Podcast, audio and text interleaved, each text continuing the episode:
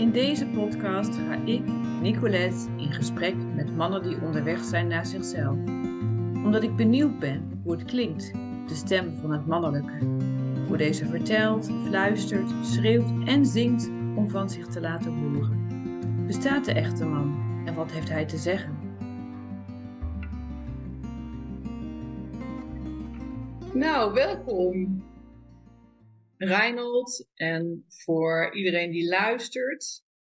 Ik was net nog even met Reinhold bezig over hoe spreek ik nou je achternaam uit. Nou, dat mocht Wiebinga of Wijbinga. Wiebinga. Wiebinga. Ja. ja. Hoe de pet staat. Precies. Nou, Reinhold. En um, ja, het leuke is dat, dat uh, ik ken Reinhold uit, uh, uit mijn opleiding Integral Pelvic Therapy. Ja, en dat is een hele mond vol. Daarin uh, waren we ook een tijdje buddies. Dus we roepen soms nog steeds tegen elkaar: Hey, buddy. Dat is misschien ook makkelijker dan uh, hè, de achternaam. Ja. Um, en um, ja, waar ik dan meestal mee begin is ook van: Oh ja, wat raakte jij dan als man in mij? Um, nou, als eerste, uh, ik zal zo nog ook wat, hè, kunnen we nog wat meer vertellen over wat IPT uh, uh, dan is. Maar toen ik de opleiding startte, was Reinhold um, samen met iemand anders ook de eerste man, de eerste mannen die starten in, in deze opleiding. En um, ik weet nog dat ik als eerste dacht, oh mijn god, dat is toch wel heel spannend ook, zo'n mooie man. En daar ga ik dan een heel jaar mee onderweg. En rondom allerlei thema's met seksualiteit, intimiteit, het bekken wat centraal staat. Hoe gaat dat dan zijn? En, uh, ja, en daarin heb ik je leren kennen als een hele nuchtere, uh, ja, een, een nuchtere man. Misschien komt er zo nog een ander woord bij, maar ja, nuchter is nou even zo uh, het woord wat langskomt. En, uh, hè? Dat klinkt goed. Dat vind je goed? Ja. Lekker aards. Ja, precies. Geen gezweef, uh, bijna zeggen geen gezweefd heeft. nou, even dan nog. Uh, dat er natuurlijk mensen zijn die weten wat Integral Pelvic Therapy, IPT, is. Maar ik kan me ook voorstellen dat je daar nog geen enkel idee bij hebt.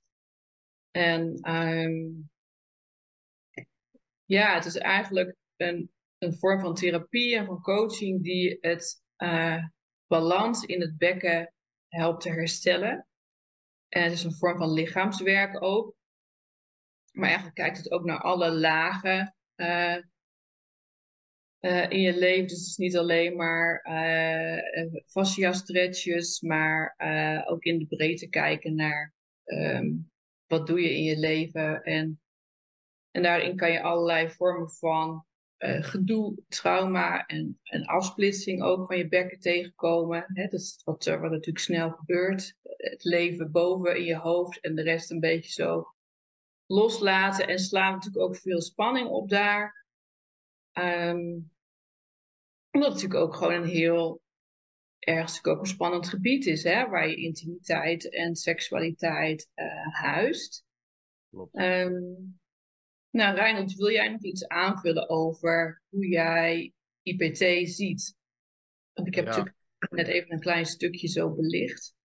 Ja, kijk, IPT, dat is echt een aanvullende behandeling op wat er al is in, uh, nou ja, de, het, het, gebied van het bekken. Als je kijkt naar de, de bekkenfysio bijvoorbeeld, de gynaecoloog. Hmm. Um, uh, ja, daar worden natuurlijk veel uh, uh, klachten worden behandeld. Maar die hebben ook zo hun beperkingen, omdat ze in beide gevallen dus niet kijken naar de emotie die iemand heeft. Hmm. wat heeft iemand ervaren en, en wat is daarvan overgebleven hè, in het lichaam. Uh, dus, dus waar eh, IPT dan een hele mooie aanvulling is, is dat hij dat stuk ook echt meeneemt en kijkt naar ja, ook een stuk trauma eigenlijk. In het Hmm.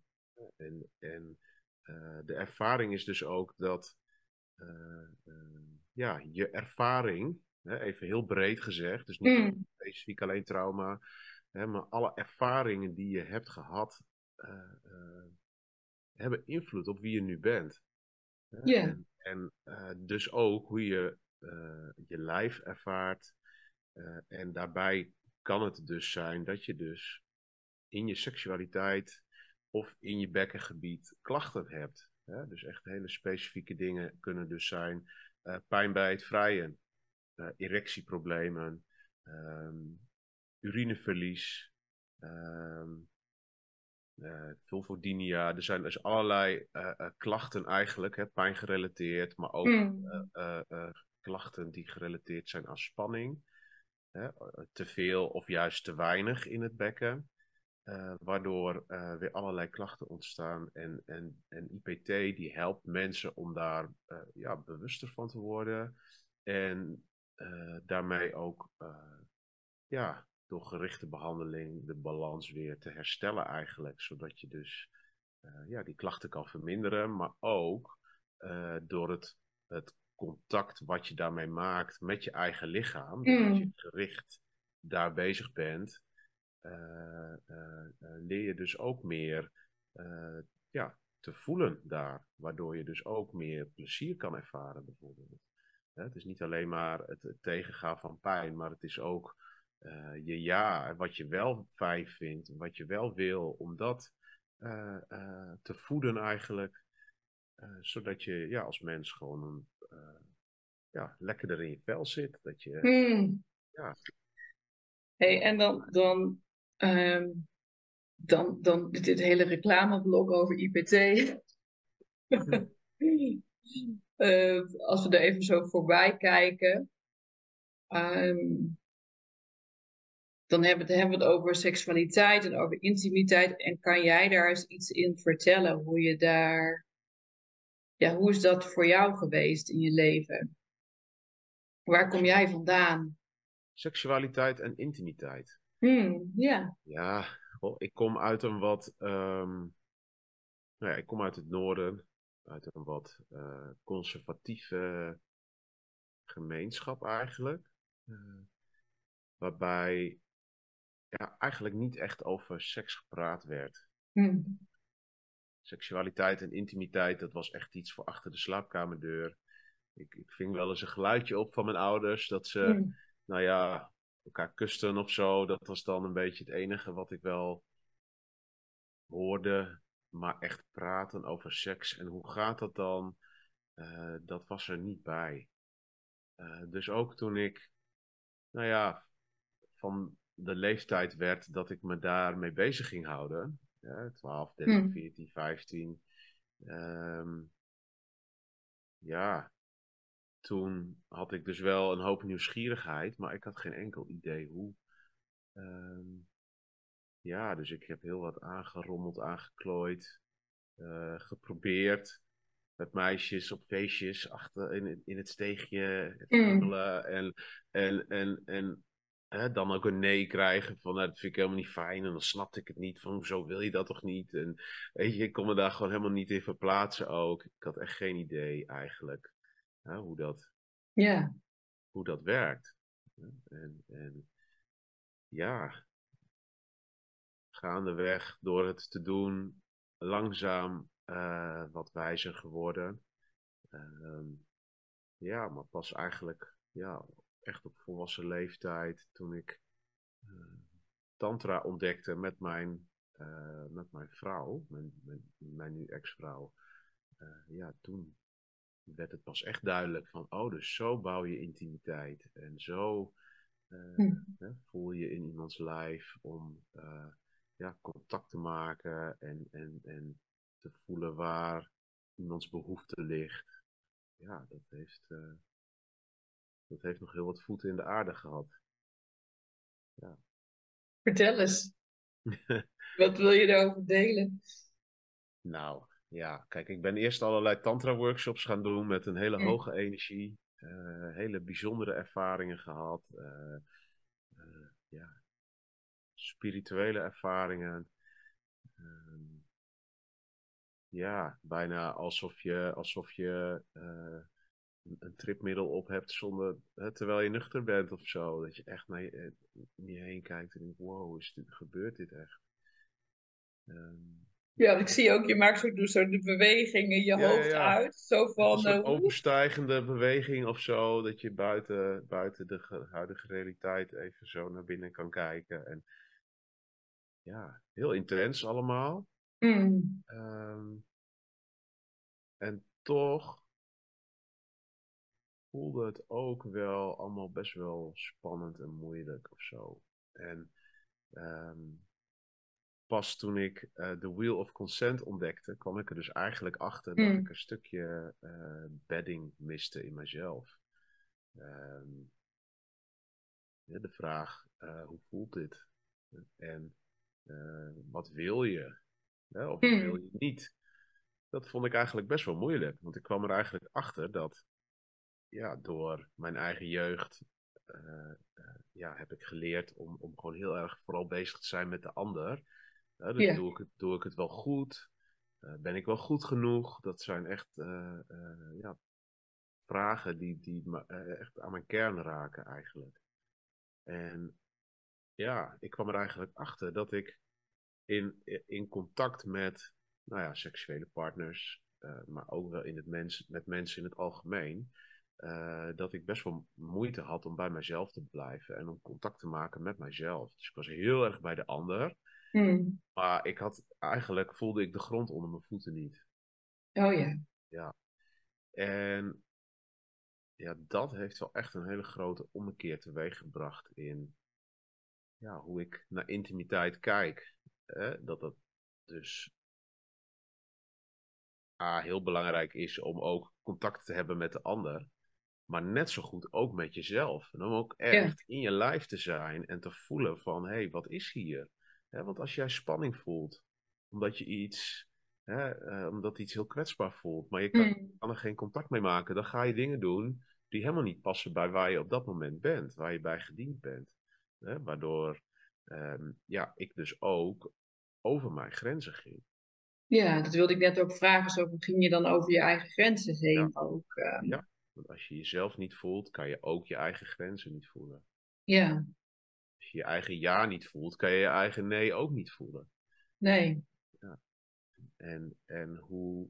Dan is het misschien alleen maar de misschien waar je dan in blijft hangen.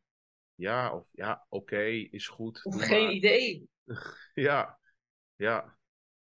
Hè? En uh, ja, hoe, hoe klein en eenvoudig uh, uh, de Wheel of Consent eigenlijk in elkaar zit zo diep en impactvol is dat eigenlijk geweest op ja, hoe ik mij heb ontwikkeld als ja, volwassene, maar ook als partner en ook als ja, practitioner, als masseur. Mm -hmm. ik geef tantra-massages.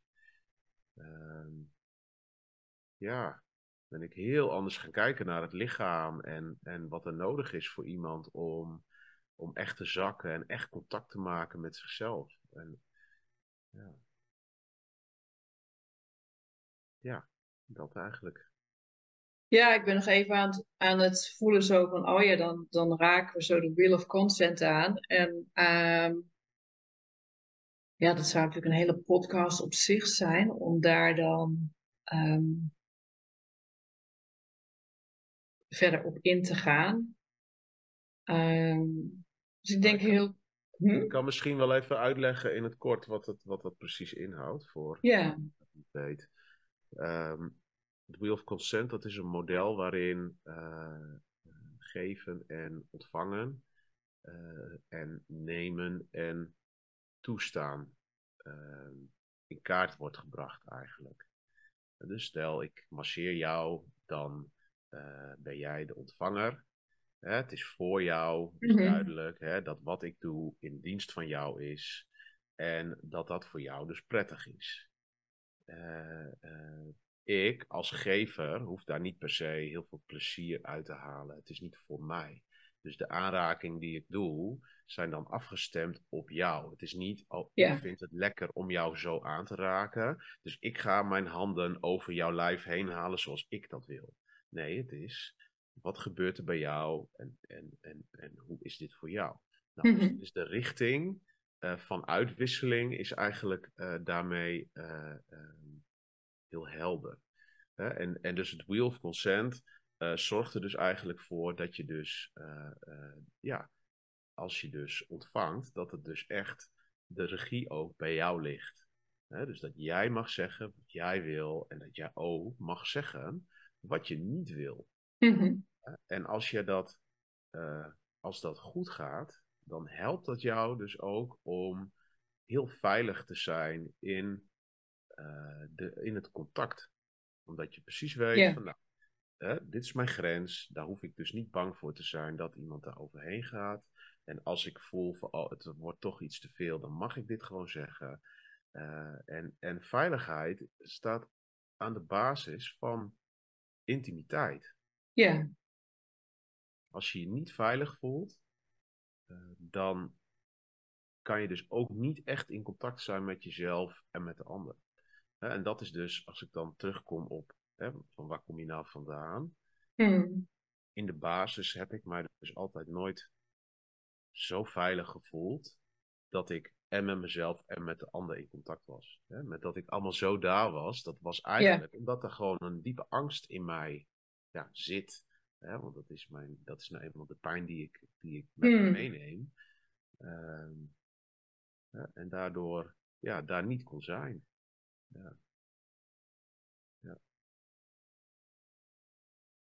Dus je vond het ook lastig dan om je, om je, om je grenzen aan te geven. Hè, daar hadden we het net al even over. En vond je het dan ook lastig om te zeggen, eh, dit wil ik heel graag? Ja. Ja, absoluut. Omdat ik überhaupt al moeite had met voelen wat ik nou echt wilde. Ja, Ja.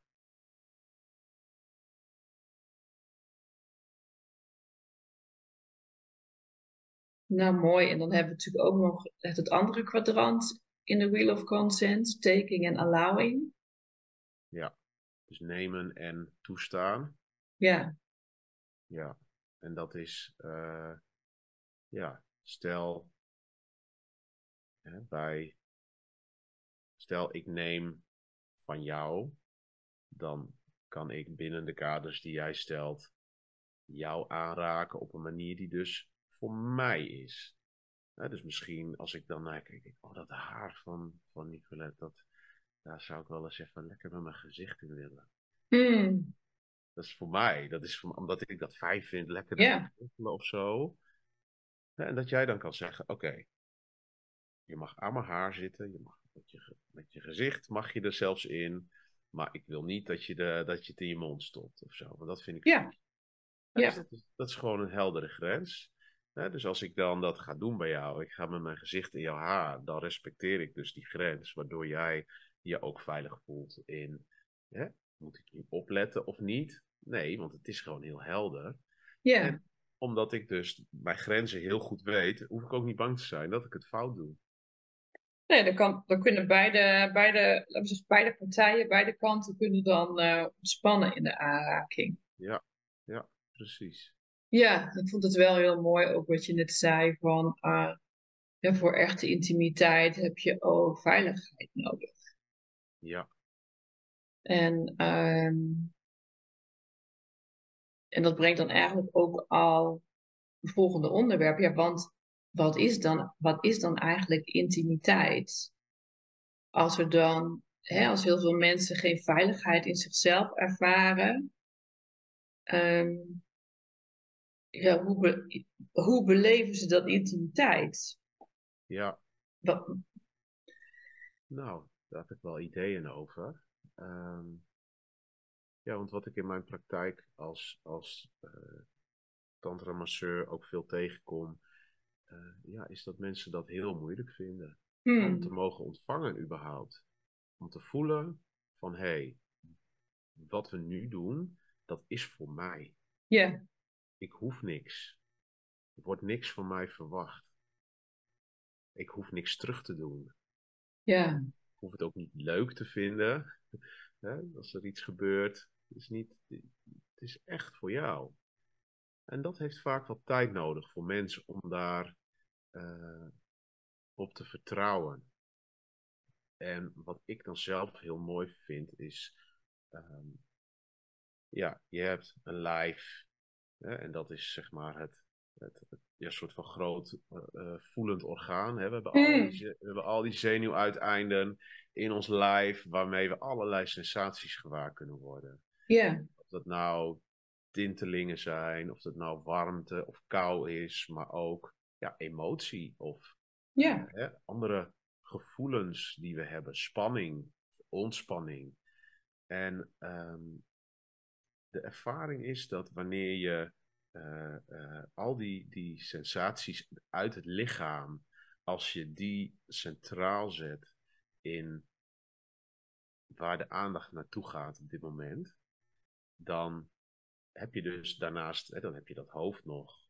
En dat hoofd, dat, dat vindt van alles. Hè. Ik, zou wel, ik, ik zou dit wel hiervan moeten genieten. Of ik zou nu opgewonden moeten zijn. Of, hè, we, we, hebben allemaal overtuigingen die ons eigenlijk een beetje hier bij al die sensaties vandaan houden. Ja.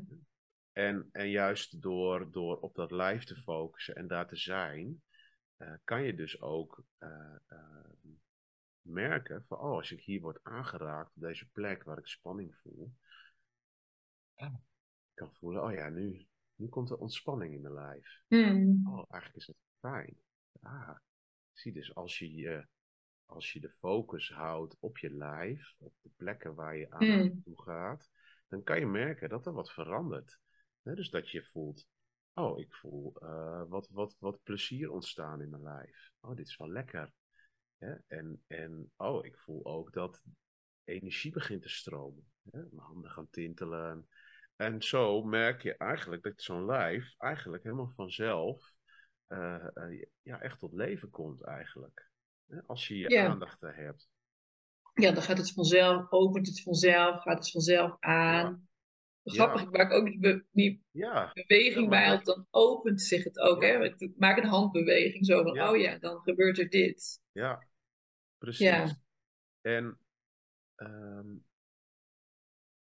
ja, de realisatie die mensen daar dus uithalen, die ik zelf ook heb ge- gemaakt, is dus dat Hmm. ja, dat hoofd, dat vindt van alles. Hè, dat is oké, die kun je niet uitzetten. Je kan niet zeggen, oké, nu mag je dit niet meer denken. Hè, maar je mag je er bewust van zijn. En voel maar wat er gebeurt in je lijf. Wat, wat doet dat met jou? En kan je daarbij blijven. Dus hoe kwetsbaar het ook voelt. Hè, of verdrietig. Of hè, je kan zeggen dat het je frustreert. Dat je ergens in zit. Het is oké. blijf daar maar bij. Bij dat gevoel. En geef het alle ruimte. En dan zul je merken dat iets, iets opkomt. En dat het ook gewoon weer afzakt. Ja. Als je daar de aandacht aan geeft. Net als hè, als ik een grapje maak, dan komt hè, de lach op misschien. Als het Hmm. hopelijk een goede grap is.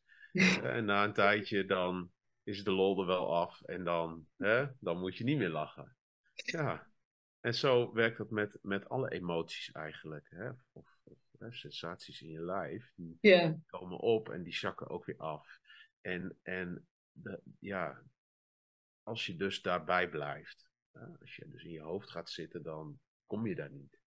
Dus als je, zeker als je iemand hebt die er een hand op legt, en, hè, die je aanraakt, die je er naartoe praat, en dan zul je merken dat daar heel veel ruimte komt eigenlijk. Hè, en dat er ineens, hè, na alle twijfel en angst en spanning, dat er dan ineens genot ontstaat. Hè, Dat het ineens Ja. Ja. Nou, het, het is ook wel mooi hoe je dat, hoe je dat zegt, want het laat mij dan ook ehm, denken in, in het wegduwen van, van gevoel en emoties. Ehm, het moment dat je dan weer opent, hè, dan kan ik ook wel, wel eens in mezelf het gevoel hebben van, ja, oh, als ik echt open, hoe groot zou het dan zijn? Hè? Zou het niet te groot zijn? Zou het niet te veel zijn? Maar eigenlijk al het wegduwen, nou, dat levert eigenlijk nog veel meer spanning op. En dat wordt op een gegeven moment nog veel groter dan dat je eh, iets toelaat en het laat bewegen. en dan kan het eigenlijk ook, uh, ja, dan zie ik zo'n soort golfbeweging erbij. En dan kan het ook gewoon, dan kan het ook gaan reguleren. Dan uh, krijgt het een soort natuurlijk ritme of zo. Misschien is het heel filosofisch, maar ik zie nou, dat wel zo voor me ook zo. Uh, als een soort plaatje dan. oh ja, zo, zo ziet dat eruit. Ja, nou, ik denk dat we van nature ook aan golfbewegingen onderhevig zijn. Ja. En dat is in je, je gevoelsleven niet anders. Dus ik denk dat je dat heel mooi omschrijft. Ja. Hey, en nou weet ik ook in het begin uh, wat ik nog wilde zeggen over uh, wat ik ook zo leuk vind aan jou, is dat je zo'n zo lekkere natuurman bent. Dat je ook zo verbonden bent met de natuur. En dan kan ik me ook herinneren dan um, dat we het dan over beestjes of insecten hadden. en, en, en hoe zit dat dan um, voor jou ook als je kijkt naar, naar uh, die golfbeweging, naar, naar de natuur, naar het lijf? Zie je daar ergens dan, ja, hoe, komt het dan ergens nog bij elkaar voor jou? Of hoe? Ja, kijk, wij komen uit de natuur. Hè? En um, ja, de natuur is voor mij ook echt een plek waarin ik uh, ja, alle, alle taken en alle, alle, alle verplichtingen die ik kan ervaren, die mij spanning bezorgen in het leven, mm. uh, die, die kan ik daar loslaten. doordat uh, mijn zintuigen eigenlijk datgene doen waar ze voor gemaakt zijn. dus ik, ik, zit nu in mijn, in mijn huis, in zo'n vierkante doos. Ja. Ja, die zintuigen die zijn daar helemaal niet op gemaakt. Hè? Kijk naar een scherm. Ja. Maar daarbuiten in het bos, luisteren naar vogels, hè, de wind horen. Uh, ja, dat, dat is waar je zintuigen echt voor gemaakt zijn. En voor mijzelf uh, uh, is, ja, ik noem het ook altijd, hè, ik ga mijn zintuigen even uitlaten. Ja, zeg je dat ja. dan zo? Ja. Ja, en um, ja, dat geeft gewoon rust. En, en, en ja, ik, ik vind alles wat leeft, vind ik fascinerend. Mm. Of dat nou de, de schimmel, uh, uh, schimmel op, uh, op de grond is, of hè, vogels in de lucht. Ja, het is allemaal een onderdeel waar ik ook bij hoor. Dus ik voel me dan ook wel heel erg verbonden, eigenlijk. Ja. Mooi.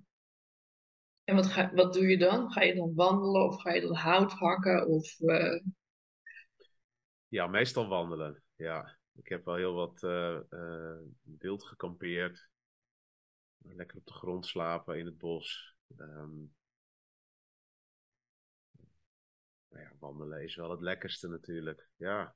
En ontdekken, kijken wat er nu weer leeft. Leuk. Ja. en um, ja, we hadden het er net ook al eventjes over. Hè, dat je dan, uh, jij als man, um, ja, begeef je natuurlijk dan, dan uh, ook op bijzonder gebied hè, rondom uh, intimiteit, seksualiteit, lichaamswerk. En um, nou ja, bijzonder gebied. Ik bedoel, dat is natuurlijk ook een soort, hoezo is het bijzonder? Uh, jij bent er, het heeft jouw interesse. En, um, maar soms zijn er nog niet zoveel mannen in deze hoek. Um, dus hoe, hoe is dat voor jou om dan in zo'n hele groep vrouwen. Om, om mij in zo'n groep vrouwen te begeven? Ja, precies. Ja, nou, af en toe dan uh, uh, voel ik me wel een beetje de, de vos in het kippenhok. Mm. Uh, nee, niet dat ik nou zo'n roofdier ben hoor. Maar ehm, ja, ik voel ook wel van, oh ja, ik, ik betreed een plek waar ik ehm, niet als vanzelfsprekend uh, word toegelaten. Mm ja, als het gaat over ja, ja, we zeiden het net al, hè, intimiteit, ehm, seksualiteit, dat vergt vertrouwen en veiligheid. Ja, en als man zijnde uh, wordt je dat niet uh, automatisch gegeven wanneer je in een groep van vrouwen stapt. Hè, en er wordt gewerkt aan hè, die intimiteit. Ja. Ja, je moet jezelf toch even waarmaken of zo. Ja, laten zien wie je bent. Um, ja, en het, het, het, roept ook wel allerlei gevoelens op hè, bij vrouwen. Van, ja, spanning. Misschien ook wel hè, ervaringen van vroeger. Van hmm. hè, mannen, ja, die kunnen je ook wel wat aandoen. Al dan niet bewust. Uh, dus het is niet meteen veilig. Als je je nou ja, op wat voor manier dan ook blootgeeft. Of dat nou emotioneel is of, of fysiek. Ja. Ja, daar, daar is wel wat voor nodig. Ja. En wat gebeurt er dan in jou als, als er in zo'n groep um, ergens een vrouw aangeraakt of getriggerd is? Um... Ja. Nou, kijk, ik ben de laatste persoon die, die, die uh, het geraakt worden in emoties afwijst. Hmm. Want ik zie dat wij allemaal als mensen een beetje beschadigd zijn. dat we onze pijn met ons meenemen. Ja. Als ik de mijne heb, heb jij die ook en, en ieder ander. Dus als er door mijn man zijn uh, iets geraakt wordt, dan denk ik ja, ik snap het. Ja, ik ben ook niet automatisch vol vertrouwen naar vrouwen toe. Ja, ik moet dan ook even een drempel over en ik moet ook even kijken van, hé, hey, is het veilig? Voordat ik mezelf echt, echt durf bloot te geven. Ja. Ja. Ja, en ook daarin leert mijn ervaring ook dat ja, wanneer je daar gewoon een open houding in hebt en dat je jezelf daarin een beetje kwetsbaar durft op te stellen, dat een ander dat ook durft. Dat het eigenlijk gewoon altijd wel goed komt. Ja, dus als een ander in een dikke vette trigger of projectie uh, terechtkomt, dan, um, dan, dan probeer jij te reageren vanuit openheid of kwetsbaarheid. Of, of uh... Ja, dat klopt. En ja, uh, ja meestal uh, vindt dat ook wel weer zijn weg. Ja, en, en, en blijkbaar begeef je dan ook op terrein waar je, waar je dan graag wilt groeien en leren en, en wilt ontwikkelen als, als man misschien of als mens. Um...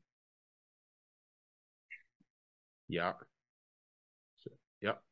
En sowieso vind ik ook dat, dat er meer mannen uh, uh, op intiem gebied uh, zich mogen bekwamen ik vind wel dat het ook een beetje scheef is. Hè? Zoals je, nou ja, de groep waar, uh, waar wij dan uitkomen, dat ik de enige hmm. man ben die dan uiteindelijk overblijft. En, en, ja, zo heb ik wel meer van dat soort groepen gehad waar ik dan de enige man ben.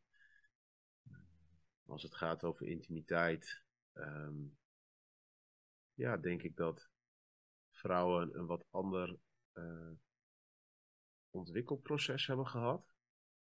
Ik heb hier laatst met mijn, uh, met mijn vriendin nog uh, een lang gesprek over gehad. En toen bedachten we ook van ja, ehm, in nou ja, de afgelopen eeuw hebben vrouwen een enorme slag gemaakt hè, op het gebied van zelfontwikkeling.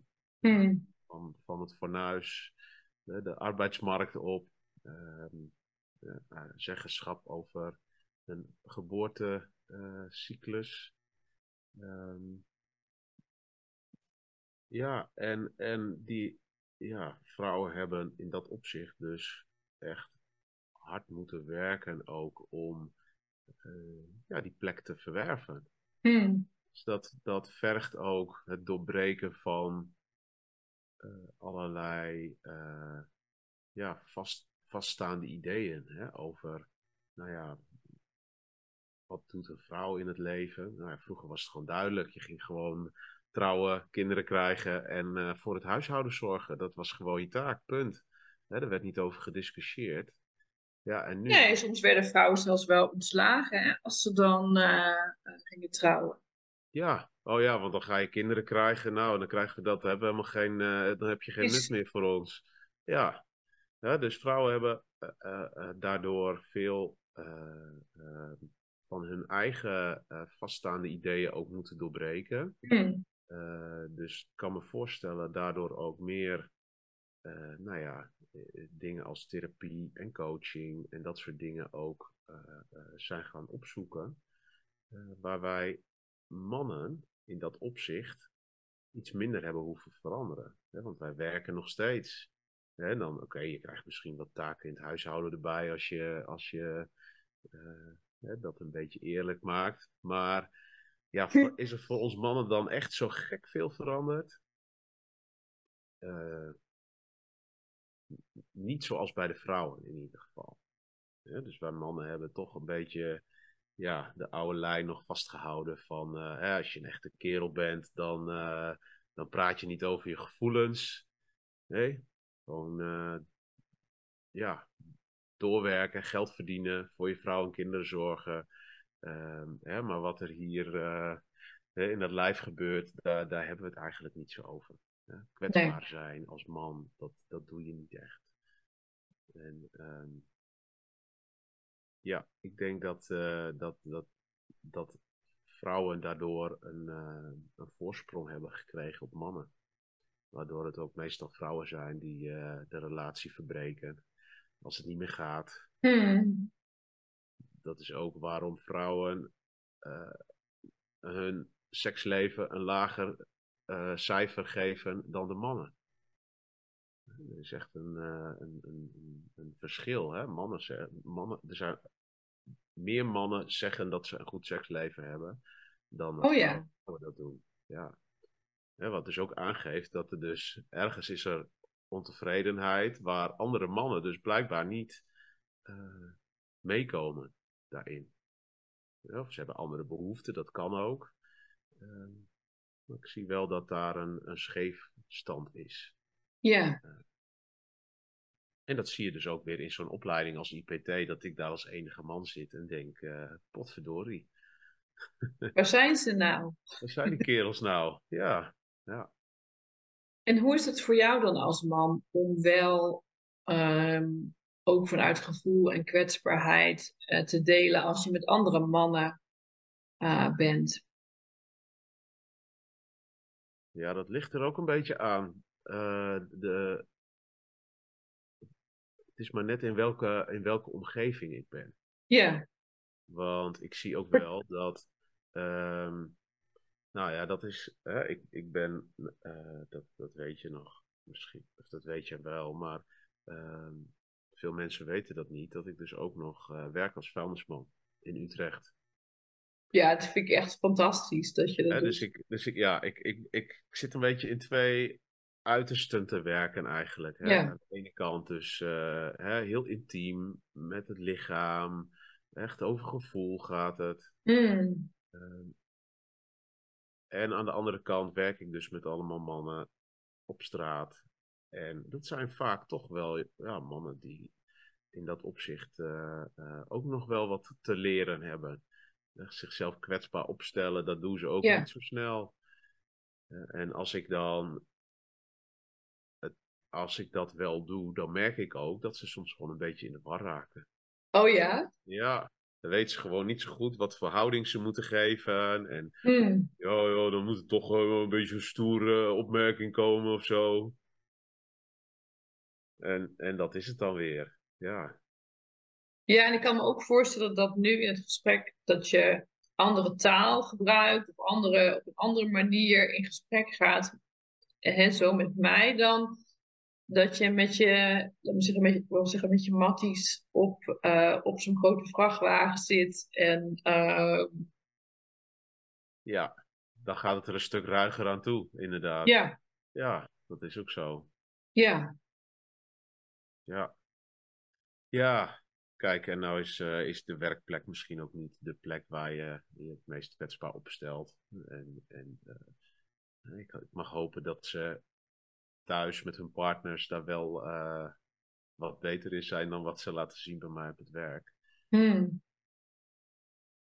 Maar er wordt, er wordt wel vaak een beetje lacherig gedaan ook over wat ik dan doe. Hè? Over hè, masseren en zo. Dan, dan worden er al gauw wat seksuele eh, aan- eh, opmerkingen gemaakt. Zo van, Ja. eh, nou, eh, neuk je er ook wel eens eentje dan of zo? Hmm. Houd toch op man, wat is dat nou? Ja, nee, hoezo niet? Nou, dat zou ik echt wel doen hoor.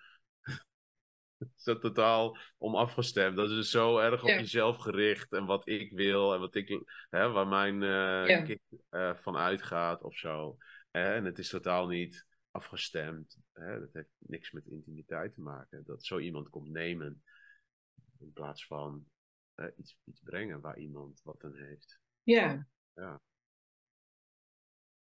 Maar er zit dan blijkbaar toch ergens, is het dan een fantasie? Of is dat dan hoe het zou horen? Of dan, Ja, het is ook een beetje stoerdoenerij, denk ik. Want Oh, de ja. kerels die, die willen ook graag eh, laten zien dat ze, dat ze groot en sterk zijn en dat ze van alles durven. En eh, ja, puntje bij paaltje eh, zouden ze dat helemaal niet zo goed weten.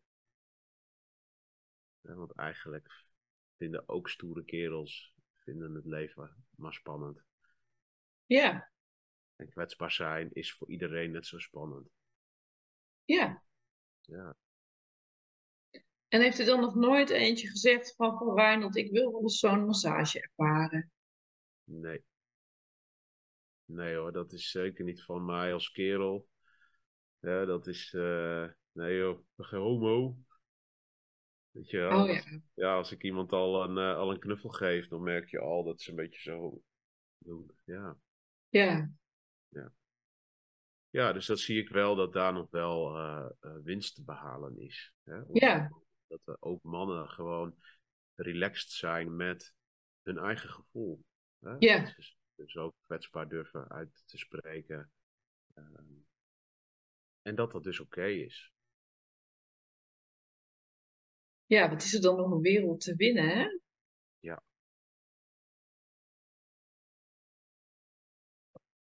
Ja, en, en aan de andere kant is het ook wel weer heel mooi dat je zo in twee werelden begeeft.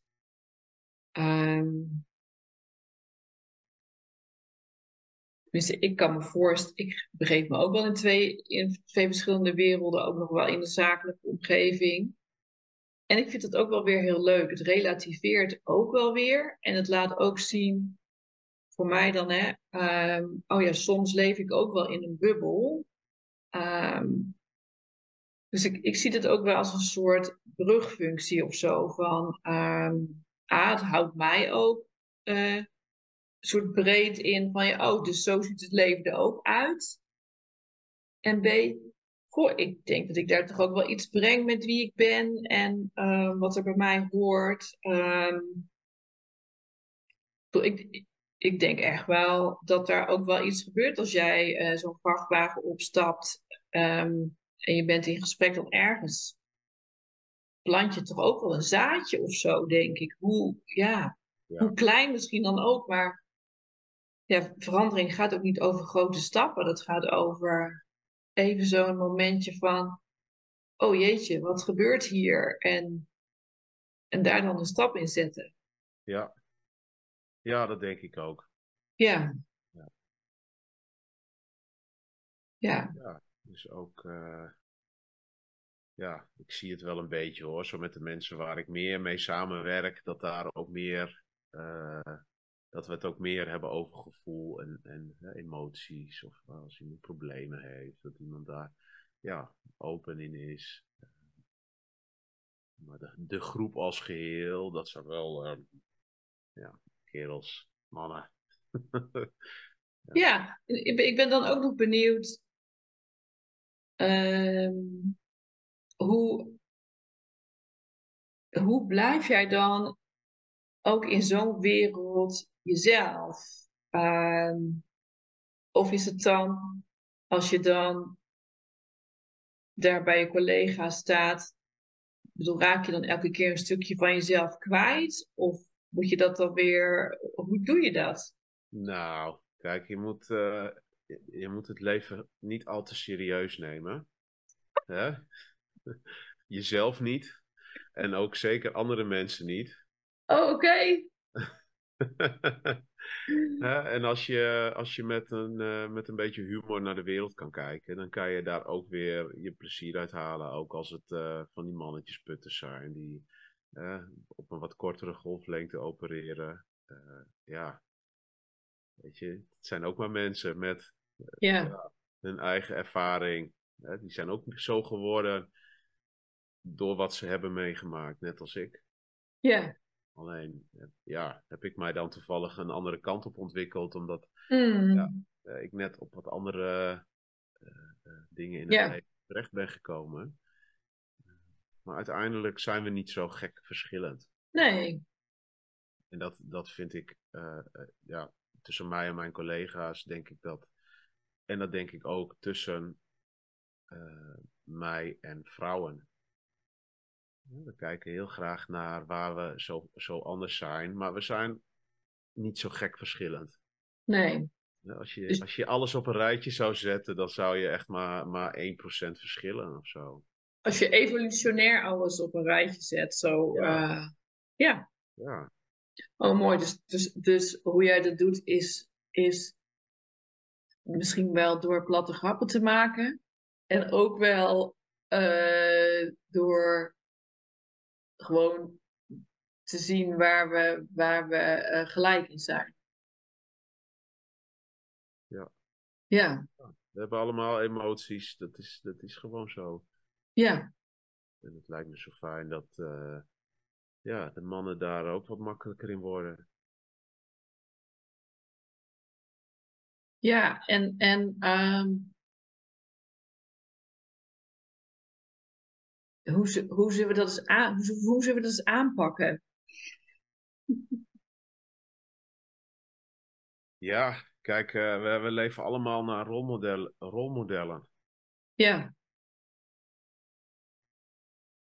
Wat is voor jou dan een rolmodel geweest? Nou, um, ja, ik denk wel ook gewoon in mijn mannengroep.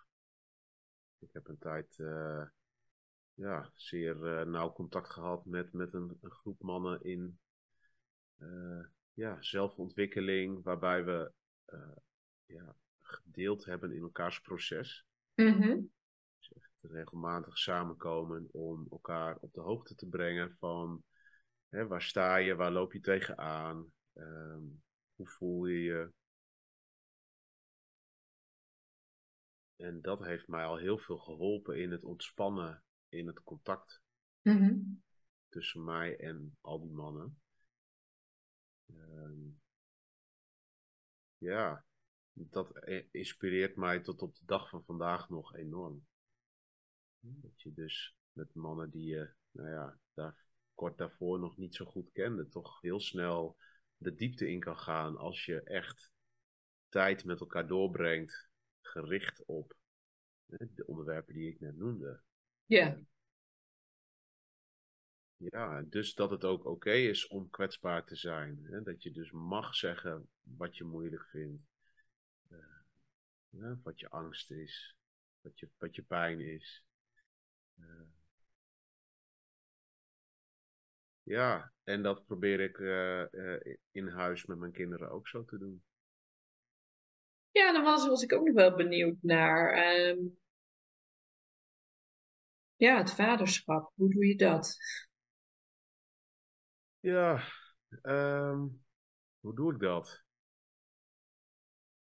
Nou, ik heb, uh, ik ben met mezelf in het reinen gekomen dat ik uh, uh, een, een, een imperfecte man ben. Vroeger dacht ik nog, oh, ik moet het, moet het perfect doen. want Anders dan raken mijn kinderen beschadigd. En daar ben ik inmiddels wel iets pragmatischer in geworden. Omdat ik ook wel ja, zie bij alle mensen die ik in mijn praktijk heb gehad. Ja, we hebben allemaal wel iets Ja, waar we pijn van hebben uit onze jeugd. Is het niet omdat je iets te weinig hebt gehad, dan wel omdat er te veel van iets was.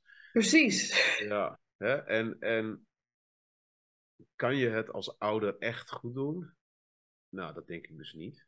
Nee. Dat dat een hele onmenselijke standaard is om, je, om jezelf daar eh, aan te houden. Mm. Ehm, ja, dus ik heb mijzelf voorgenomen om mezelf toe te staan dat ik dus niet perfect ben.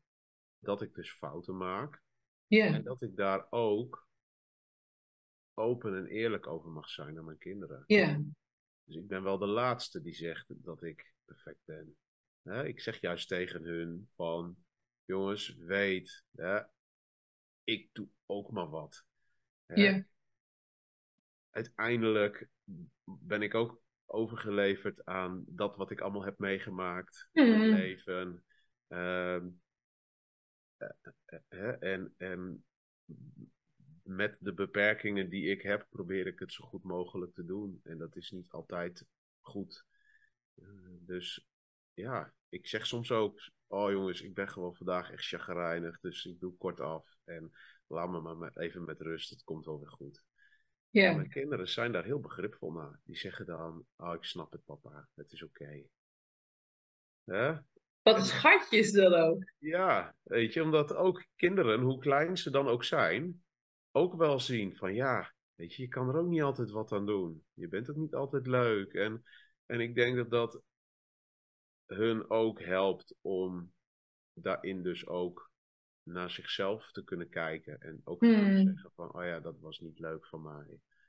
Of dat had ik anders kunnen doen. Of sorry. Ja, die dingen zijn zo belangrijk om, om, om die te kunnen zeggen van jezelf. Ja, Als je niet bereid bent om naar jezelf te kijken en van je fouten te leren, dan zul je ook nooit groeien. en wat vind je dan echt heel lastig? Wat zie je dan als, als, als jouw beperking als vader, als man, als mens? Ah, jeetje, waar moet ik beginnen? ja, Nou, doe maar je top drie. nou ja, sowieso denk ik eh, dat het gewoon echt een ontzettend moeilijke en ook enigszins ondankbare taak is om Het ouderschap. Ja, hè, ze zeggen wel eens voor de grap, hè, van, of nou voor de grap, ze zeggen ja, maar je krijgt er zoveel voor terug. Ja, en dan denk ik echt, nee. Weet je, dankjewel, nou, dat, dat is echt zeldzaam, weet je wel. Het is allemaal maar vanzelfsprekend wat je doet. Dan Hmm. heb je de hele, de hele dag rot gerend om je, je huishouden te doen en boodschappen te halen, eten te koken, kinderen te brengen, te halen. En, en dan zitten ze aan tafel en dan is het, oh, eten we alweer dit. Weet je wel, ja, nou ja, dat is ook het moment waarop ik dan ook niet zo leuk ben. Hè? Dan Nee. heb ik ook gewoon kort af en dan zeg ik, ik hoef het niet te horen, zoek het uit. Hè? En ja, daar kan ik ook best wel chagrijnig van worden. Van Ja. dat soort dingen. Dan denk ik, oh jullie hebben echt geen idee. Je hebt gewoon geen idee wat ik allemaal heb gedaan. En, en, en, ja, en dat dan iedere dag opnieuw. Hè? Ja. Dus een continue aaneengesloten stroom van taken. En, en, en eh, ja, als ouder kan je het nooit helemaal goed doen. Want ze willen altijd meer. Hè? Ze willen altijd anders. Ja. Eh, En vooral zo in de puberteit. Ja, nou, die van mij zitten daar lekker in. Met eh 13 en 15. En dan nog een stiefzoon van 12. Dus eh, ja. Goed, als ze dan. eh, even Ja, herkenbaar hoor. In dezelfde leeftijdscategorie. Ja, ja, want hoe oud zijn die van jou? 12 en 15. Oh ja, ja, dat is echt bijna hetzelfde. Ja. Dus af en toe dan eh, vliegen de hormonen je om de oren. En kan je ze dan ook wel eens de nek omdraaien? Oh, zeker, Reinhold. Ja, Ja. Ja, en, en ehm, ja, ik weet natuurlijk ook, bedoel, kinderen zijn natuurlijk ook super grote spiegels, hè? Dus dat is, dat is heel leerzaam. En tegelijkertijd denk ik ook, ja, maar daar heb ik nu even geen zin in. Om daar nu naar te kijken. Ik weet niet of je dat ook herkent. Ja. Nou ja, realisatie die ik dus laatst had, die vond ik ook wel heel bevrijdend. Dat ik dacht, ja, mijn eerste taak is ook niet om leuk gevonden te worden door mijn kinderen. Ja. Mijn eerste taak is om ze goed op te voeden. Ze, ze, ze afgebakken aan de samenleving uh, over te dragen. Afgebakken? Ja, precies. Ja, dat ze wat vaardigheden hebben en dat ze een gevoel hebben van, uh, van, van uh, verantwoordelijkheid. Hmm. En uh, daar hou ik ze dus ook aan. Ze moeten echt dingen doen hier in huis. Huishoudelijke yeah. taakjes krijgen ze. is echt niet veel, maar toch zijn er bepaalde dingen, dat houden we er gewoon in. Um, als ze zich niet aan hun verantwoordelijkheden houden, dan neem ik privileges in. Gewoon om ze te laten voelen van ja, weet je, het is allemaal niet vrijblijvend. Nee. Er moet, moet echt iets tegenover staan. En dat is in de echte, in de echte wereld ook zo. Hmm. Je, je, je keuzes zijn nooit zonder gevolgen. Ja. Yeah. En, en dan vinden ze me soms stom. En dan denk ik, nou, goed zo. Dat hoort erbij. Ik vond mijn ouders ook stom. Ja. Ik zei laatst ook tegen mijn, uh, die van 12. Ik zeg, uh, zie het maar gewoon als een soort zwembad. Ik zeg, jij zit in het zwembad en ik ben de muren. En je moet je toch ergens tegen afzetten. Nou, dat ben ik dan. Ja. En soms ben ik dan uh, niet een hele geduldige muur of een uh, rustige muur. Uh, maar ja, dat is wat er dan gebeurt. En nou, dus die, zit zo richting de puberteit. Hè? Dus die ziet dan zijn broer ook wel bewegen. Ja, waar, waarom doet hij dat? ik zeg, ja. wacht maar totdat bij jou ook alle hormonen helemaal wakker worden. Dan, ja, dan gebeuren er allemaal hele andere dingen in je lijf. Ja. Ja. Ja, dus uh, dat is oké. Okay. Weet je, ik ben zelf ook niet de makkelijkste puber geweest. Ik heb mijn ouders ook uh, behoorlijk tot wanhoop gedreven bij tijd en wijlen. Oh, kun je daar nog iets over vertellen? Ja, god. Kijk. Wat voor vreselijke dingen deed je allemaal? Nou, kijk. Uh, dat begon eigenlijk al op de basisschool. Dat ik gewoon totaal niet deed wat ik moest doen. Hmm. Um, ik heb uh, ADHD. En daar had ik geen diagnose van. Hmm. Ik was die jongen die het wel kan, maar niet doet. He, zo Oh. heb ik altijd omschreven. Hij kan het wel, maar hij vertikt het gewoon. He, dus daar was Ja. heel veel onbegrip over. Ik heb veel angst over me heen gekregen ook da- daardoor. Van, hé, maar waarom doe je dat dan niet? En doe nou eens je best. En hè, heb je huiswerk wel af? En dan kwamen allemaal van die angstige vragen op me af, waardoor ik me als, als eh, nou ja, vroege, eh, vroege tiener al een beetje ben gaan distancieren van mijn ouders. Hè. Hier is niks aan de hand. Ja, dus ik kon heel goed liegen, ik kon heel goed eh, doen alsof. En ehm, ja, op wat, en, en op puberleeftijd ben ik me wel echt gaan afzetten. Dat ik echt dacht van ja, fuck you. Maar eh, dit ga ik niet meer doen, weet je wel. Nee. Ik heb hier geen zin in. Ja, dus eh, toen ontdekte ik op een gegeven moment cannabis. Dus dan zat ik vaak met vrienden op bankjes in het park te blowen. En ging ik spijbelen. En, en ja, zo eh, ging dat eh, ja, van kwaad naar erger eigenlijk. Dus ik was Mhm. gewoon niet meer hanteerbaar eigenlijk. En eh, ja, mijn ouders die kennen dat ook helemaal niet. Die zijn daar ook niet mee opgegroeid. Dus die, Nee. ja, die, die zijn dat ook gewoon helemaal. Ja, die wisten ook gewoon niet wat ze ermee aan moesten. Nee. Ja, dus, dus ja, dat heeft een hele hoop gedoe opgeleverd. Waarna uiteindelijk dan mijn vader zei: Jongen, wordt het niet eens tijd om op jezelf te gaan wonen? En toen dacht jij? oh, goed idee. Inderdaad, ik kan op mezelf wonen. Ik kan hiervan af. Wat leuk. Ja, Hoe oud was je toen? nou, toen was ik al twintig of zo hoor. Dus Oh ja, dat is ook wel eens tijd dan. ja, ik heb het wel redelijk lang volgehouden nog. Maar eh, ja. Ja. Dus ja, dat, dat, dat in mijn achterzak, die ervaring, kan ik ook wel zien. Ja, hoe lastig het is voor een kind om op te groeien. En ouders te hebben die van alles vinden en willen. En hè, dat dat dan stom is en zo. Dus ja, weet je, vind me maar lekker stom. Goed zo. Hè? Toch hou Ja, dus je, hebt, dus je hebt wel goede, goede bagage uh, uit je eigen puberteit om nu met je pubers uh, thuis om te gaan. Ik heb heel wat bagage en ik, ik hoop dat ik er een uh, recht mee doe. Hè? En ja, het zal niet altijd goed gaan, maar ehm, ja, volgens, mij, volgens mij doen ze het best goed. Ja, ja, maar ik denk ook, ook vroeger spaarden mensen dan voor hun kinderen dat ze konden gaan studeren of wat dan ook. En, misschien, maar misschien moeten we ook gaan sparen, gewoon dat, dat ze therapie en coaching kunnen gaan doen. Dat ja. daar ook gewoon ruimte voor is. Ja. Dat ze zichzelf kunnen leren kennen. Ja, daar hebben we ook wel eens over zitten grappen. Ja, dat ze dan uh, primal therapy mogen doen als, uh, als ze Precies. zijn. Ja, ja, nee, ja, rijbewijs, nee hoor, dat vinden we heel ouderwets. Die auto's die rijden toch straks allemaal zelf. Dus uh, ga maar gewoon lekker met al je shit aan de gang. Je zelfontwikkeling. Nou, ik zou willen dat ik dat wat eerder had ontdekt. ik ben nu 42 en ja, als ik dat op mijn achttiende al had, uh, had ontdekt, dan had mijn leven misschien wat, uh, wat anders eruit gezien. Ja.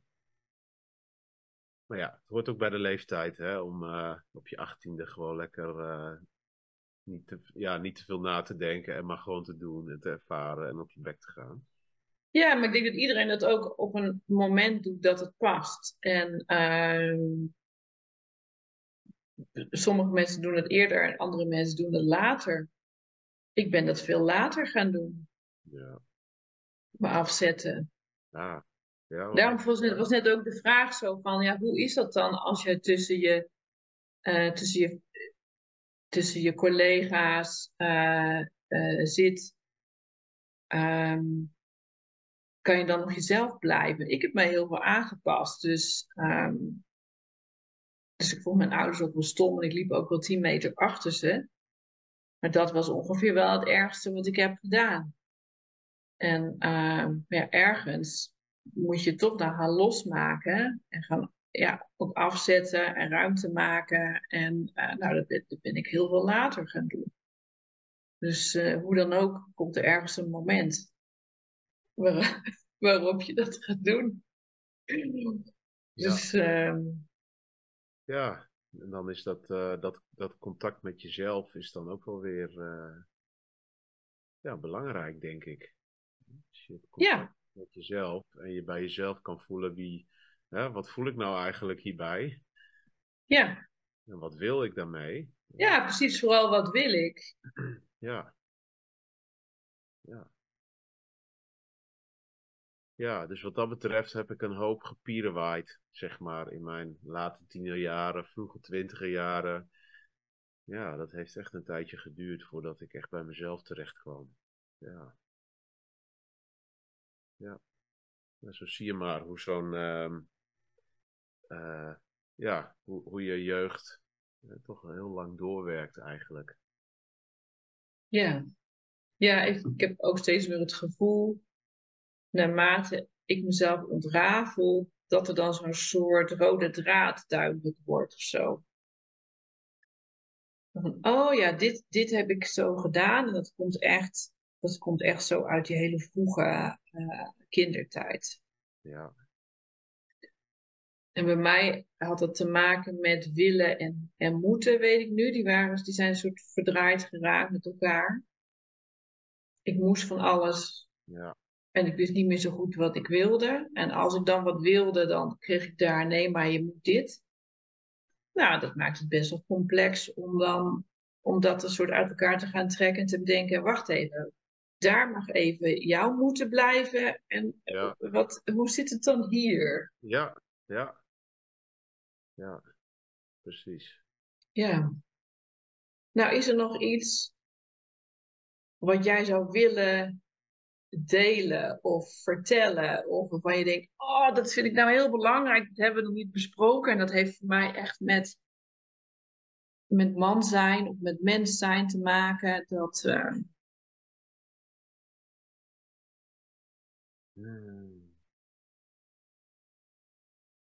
Ja, we hebben het nog niet gehad over liefde. Oh ja, nou, mooi. En, en dan als ik het heb over liefde, dan bedoel ik niet uh, uh, romantische liefde. Ehm, die natuurlijk ook in mijn leven is, maar mm. meer ja, universele liefde. Mm. en um, ja, als ik iets geleerd heb in het leven, dan is dat liefde wel echt de drijfveer is voor zo'n beetje alles wat ik doe. Mm. Nu,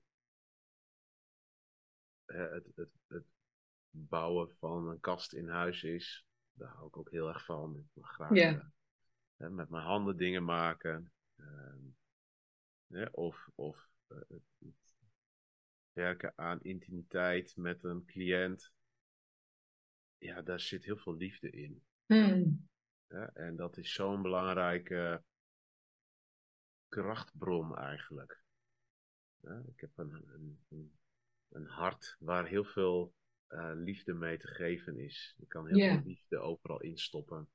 Uh, of ik nou eten kook of uh, ja, met mijn kinderen omga. Ook al ben ik chagrijnig, toch zit er gewoon veel liefde in. Um, dus ik zou ook gewoon niet weten hoe mijn leven eruit ziet als dat er niet zou zijn. Dat, dat, dat bestaat gewoon niet. Dat kan gewoon niet. Nee. nee. Nee. Ja, en liefde maakt ook dat ik ja, op dit pad ben. Want ja. wat is nou liefde voor jezelf? Nou, dat is er ook. Het is niet alleen maar liefde naar buiten toe. Het is ook liefde voor mezelf. En, en mezelf toestaan om te voelen wat ik voel. En kwetsbaar te zijn. En, en ruimte te maken voor mijn emoties. Dat, ja, dat komt voort uit liefde. Hè? Ik gun mezelf dit. Ik hou van mezelf. En, en, en ik hou van de mensen om me heen. Ja. ja. Dus als ik uh, in de natuur sta beestjes te bekijken. Mm. Ja, of ik heb mijn handen op iemand en ik adem met iemand mee. Omdat die bij een kwetsbaar stukje gekomen is. Ja. Ja, dat, daar is liefde voor nodig. Ja. Nou, daar zucht ik even van. Mooi. Ja.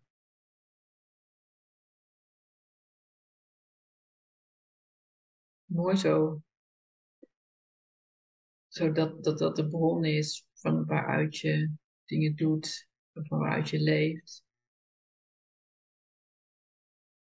En misschien is er dan geen zoveel verschil als je buiten staat en een beestje bekijkt, of dat je een hand op iemand hebt. Zo. Het ligt gewoon heel dicht tegen elkaar aan. Ja. Ja. Ja, voel hem. Ik kan het uh, verder ook moeilijk uh, uitleggen. Nee, het hoeft ook niet uitgelegd. Het is, het is, het is ook, het is echt een een, uh, ja, het is echt een, een, een voelen. En, en, um, en ik denk ook, als je met andere mensen bent, of dat, of het nu je kinderen of je cliënten zijn, of, of vrienden, dan, dan is dat ook vanuit dat gevoel. En ik denk dat mensen ook voelen, hè, die, die, dan, die dan bij je zijn, uh, of dat klopt en of dat er is. En als het er niet is, ja, hoe kan je dan, hoe kan je dan, hoe kan je verbinden dan? Dat kan helemaal niet. Dan is het gewoon leeg. Precies, ja. Ja. Ja. Dus ook als je het hebt over mannen en vrouwen, ja, ook daarin hebben we dus gewoon een, een dikke, vette overeenkomst. Ja.